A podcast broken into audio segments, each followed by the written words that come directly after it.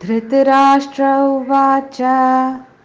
धर्मक्षेत्रे, कुरुक्षेत्रे समवेतायुयुत्सवः। मामकाः पाण्डवाश्चैव किम् अकुर्वत Sanjaya Dhritarashtra said O Sanjaya after my sons and the sons of Pandu assembled in the place of pilgrimage at Kurukshetra, desiring to fight, what did they do?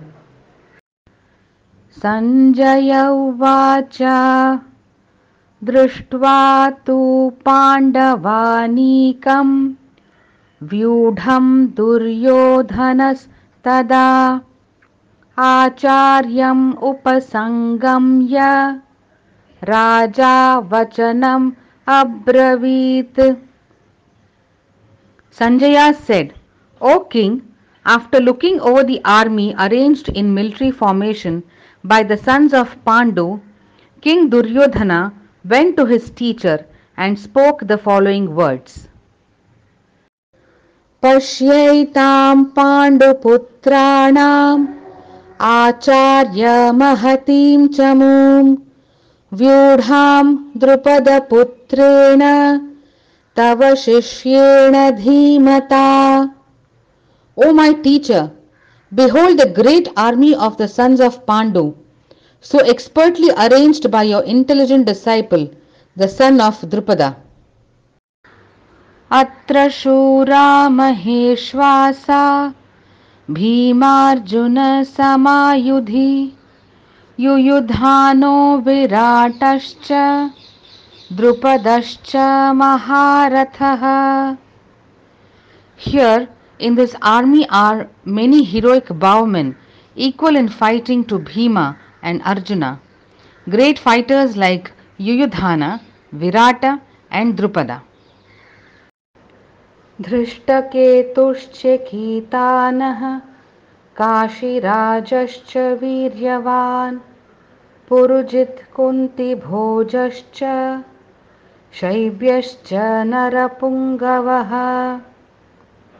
There are also great heroic powerful fighters like Drishtaketu, Chekitana, Kashiraja, Purujit, Kuntibhoja and Shaibya.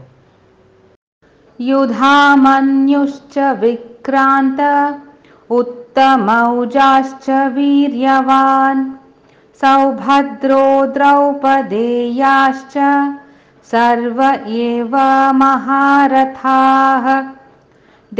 The mighty Yudhamanyu the very powerful Uttamauja the son of Subhadra and the sons of Draupadi all these warriors are great chariot fighters అస్మాకం తు విశిష్టాయే తాన్ని బోధ ద్విజోత్తమా नायका मम सैन्यस्य संज्ञार्थं तान् ब्रवीमि ते। O best of the Brahmanas for your information let me tell you about the captains who are especially qualified to lead my military force भवान् भीष्मश्च कर्णश्च, कृपश्च समतिं जयः। अश्वत्थामा विकर्णश्च सौमदत्तिस्तथैव च there are personalities like you Bhishma Karna Kripa Ashvatthama Vikarna and the son of Somadatta Somadatta Bhurishrava who are always victorious in battle अन्ये च बहवः शूरा मदर्थे त्यक्त त्यक्तजीविताः नानाशस्त्रप्रहरणाः सर्वे युद्धविशारदाः There are many other heroes who are prepared to lay down their lives for my sake. All of them are well equipped with different kinds of weapons and all are experienced in military science. अपर्याप्तं तदस्माकं बलं भीष्माभिरक्षितं पर्याप्तं त्विदं एतेषां balam bhimabhirakshitam our strength is immeasurable and we are perfectly protected by grandfather bhishma whereas the strength of the pandavas carefully protected by bhima is limited अयनेषु च सर्वेषु यथा भागम् अवस्थिताः भीष्मं येवाभिरक्षन्तु भवन्तः सर्व एव हि All of you must now give full support to Grandfather Bhishma as you stand at your respective strategic points of entrance into the phalanx of the army. तस्य सञ्जनयन् हर्षम् कुरु वृद्धः पितामहः। सिंहनादं विनद्योच्छैः। शङ्खं दध्मौ प्रतापवान्। Then Bhishma the great valiant grand sire of the Kuru dynasty the grandfather of the fighters blew his conch shell very loudly making a sound like the roar of a lion, giving Duryodhan joy. ततः शङ्खाश्च भैर्यश्च पणवानकगोमुखाः सहसैवाभ्यहन्यन्त सशब्दस्तुमुलोऽभवत् After that, the conch shells, drums, bugles, trumpets, and horns were all suddenly sounded, and the combined sound was tumultuous. ततः श्वेतैर्हयैर्युक्ते महती स्यन्दने स्थितौ माधवः पाण्डवश्चैव दिव्यौ शङ्खौ प्रदध्मतुः On the other side, both Lord Krishna and Arjuna, stationed on a great chariot drawn by white horses, sounded their transcendental conch shells.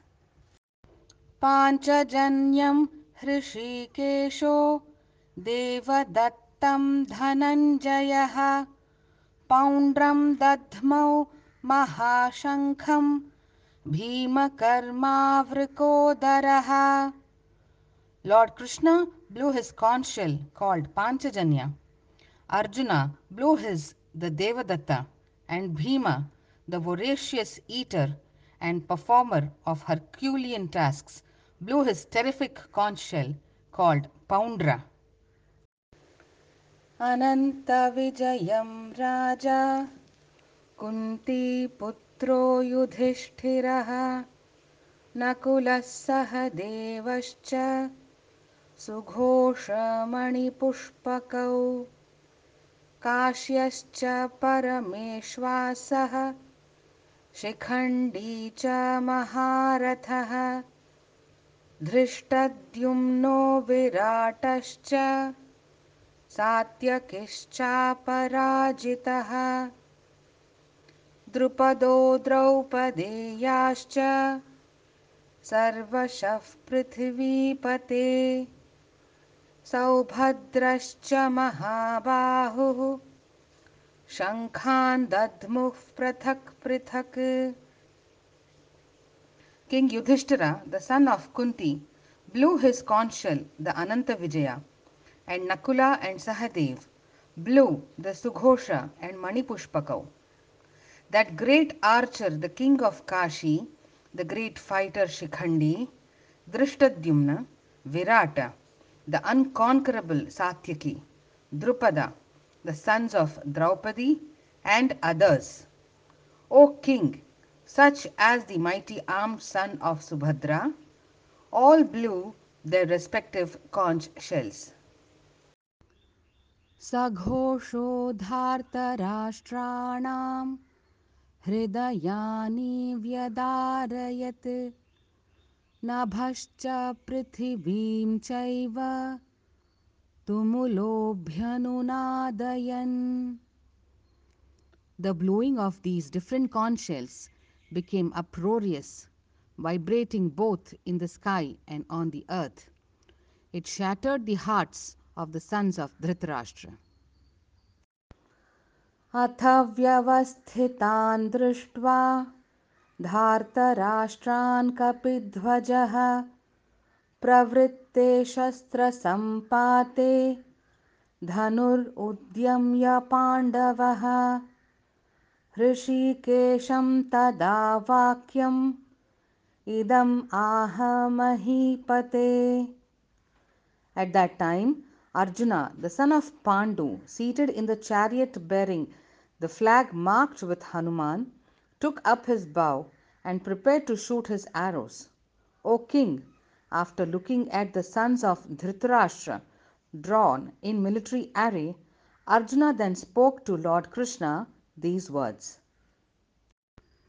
Arjun उवाच सेनयोर् उभयोर्मध्ये रथं स्थापयमेच्युत यावद्येतान् निरीक्षेऽहं योद्धुकामानवस्थितान् कैर्मया सह योद्धव्यम् अस्मिन् रणसमुद्यमे Arjuna said, O infallible one, please draw my chariot between the two armies so that I may see those present here who desire to fight and with whom I must contend in this great trial of arms. योत्स्यमानान् अवेक्षेऽहं य एतेऽत्र समागताः धार्तराष्ट्रस्य दुर्बुद्धेर्युद्धे प्रियचिकीर्षवः Let me see those who have come here to fight, wishing to please the evil minded son of Dhritarashtra. Sanjay उवाच एवम् उक्तो हृषीकेशो गुडाकेशेन भारत, सेनयोरुभयोर्मध्ये स्थापयित्वा रथोत्तमम्।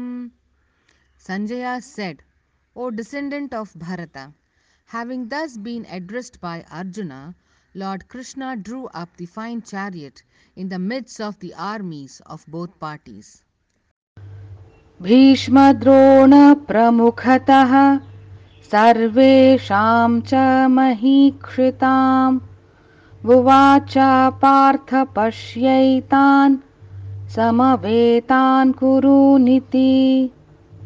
in the presence of Bhishma Drona and all the other chieftains of the world the lord said just behold Partha all the Kurus assembled here तत्रापश्यत् स्थितान् पार्थः। पितॄन् अथ पितामहान्। आचार्यान् मातुलान् भ्रातॄन्। पुत्रान् पौत्रान् सखींस्तथा श्वशुरान् सुहृदश्चैव। सेनयोरुभयोरपि। There Arjuna could see within the midst of the armies of both parties his fathers, grandfathers, teachers, maternal uncles, brothers, sons, grandsons, friends, and also his fathers in law and well wishers.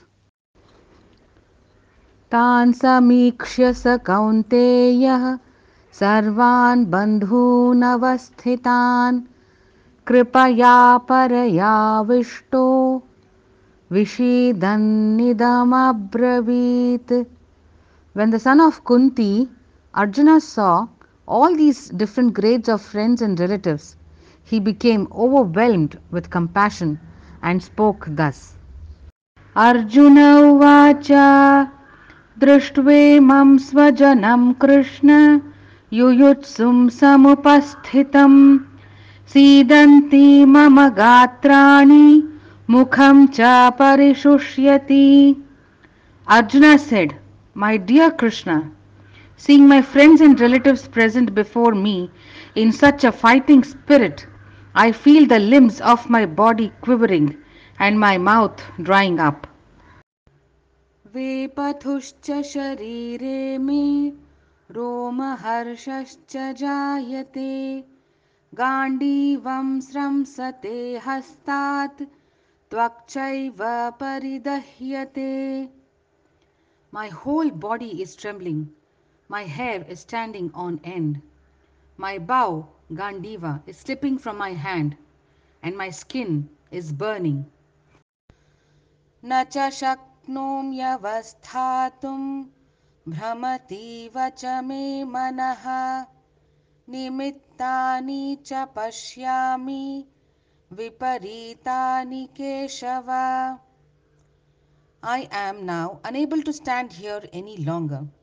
I am forgetting myself and my mind is reeling. I see only causes of misfortune. O Krishna, killer of the Keshi demon. न च श्रेयोनुपश्यामि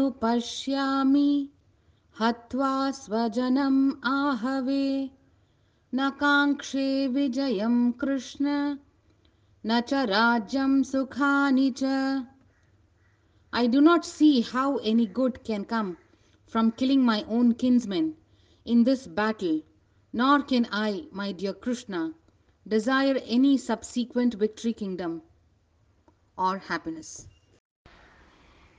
किं नो राज्येन गोविन्द? किं भोगैर्जीवितेन वा? येषाम् अर्थे काङ्क्षितं नो, राज्यं भोगा च। तैमेव स्थिता युद्धे, प्राणां धनानि च। आचार्याः पितरः पुत्रास् तथैव च पितामहाः मातुलाश्वशुराः पौत्राः, श्यालाः सम्बन्धिनस्तथा एतान्न हन्तुमिच्छामि, ज्ञातोऽपि मधुसूदन। अपि त्रैलोक्यराज्यस्य, हेतोः किं नु मही कृते निहत्यधार्तराष्ट्रान्न। का प्रीति सियाच Janardana. O Govinda of what avail to us are kingdom happiness or even life itself all those for whom we may desire them are not arrayed on this battlefield O Madhusudana when teachers fathers sons grandfathers maternal uncles fathers in law grandsons, brothers in law, and other relatives are ready to give up their lives and properties and are standing before me, why should I wish to kill them, even though they might otherwise kill me? O maintainer of all living entities, I am not prepared to fight with them, even in exchange for the three worlds. Let alone this earth. What pleasure will we derive from killing the sons of Dhritarashtra? पापं येवाश्रयेदस्मान् हत्वैतानाततायिनः। तस्मान्नार्हा वयं हन्तुं धार्तराष्ट्रान् सबान्धवान् स्वजनं हि कथं हत्वा। सुखिनः Madhav. Sin will overcome us if we slay such aggressors. Therefore, it is not proper for us to kill the sons of Dhritarashtra and our friends. What should we gain, O Krishna, husband of the goddess of fortune? And how could we be happy by killing our own kinsmen? यद्यप्येते न पश्यन्ति लोभोपहत चेतसः कुलक्षयकृतं दोषं मित्रद्रोहे च पातकं। कथं न ज्ञेयमस्माभिः पापादस्मान्निवर्तितुं कुलक्षयकृतं दोषं प्रपश्यद्भिर्जनार्दन। Janardana, although these men, their hearts overtaken by greed, see no fault in killing one's family or quarreling with friends, why should we, who can see the crime in destroying a family, engage in these acts of sin? कुलक्षये प्रणश्यन्ति कुलधर्माः सनातनाः धर्मे नष्टे कुलं कृत्स्नम् अधर्मो विभवत्युत With the destruction of the dynasty, the eternal family tradition is vanquished, and thus the rest of the family becomes involved in irreligion. अधर्माभिभवात् Krishna प्रदुष्यन्ति कुलस्त्रियः स्त्रीषु दुष्टासु वार्ष्णेय जायते वर्णसङ्करः When irreligion is prominent in the family, O Krishna, the women of the family become polluted, and from the degradation of womanhood, O descendant of Vrishni, comes unwanted progeny. सङ्करो नरकायैव कुलघ्नानां कुलस्य च पतन्ति पितरो ह्येषां luptapindodakakriyaah. An increase of unwanted population certainly causes hellish life both for the family and for those who destroy the family tradition. The ancestors of such corrupt families fall down because the performances for offering them food and water are entirely stopped. दोषैर्येतैकुलघ्नानां वर्णसङ्करकारकैः उत्साद्यन्ते जातिधर्माः कुलधर्माश्च शाश्वताः By the evil deeds of those who destroy the family tradition and thus give rise to unwanted children, all kinds of community projects and family welfare activities are devastated. उत्सन्नकुलधर्माणां, मनुष्याण Janardan नरके नियतं वासो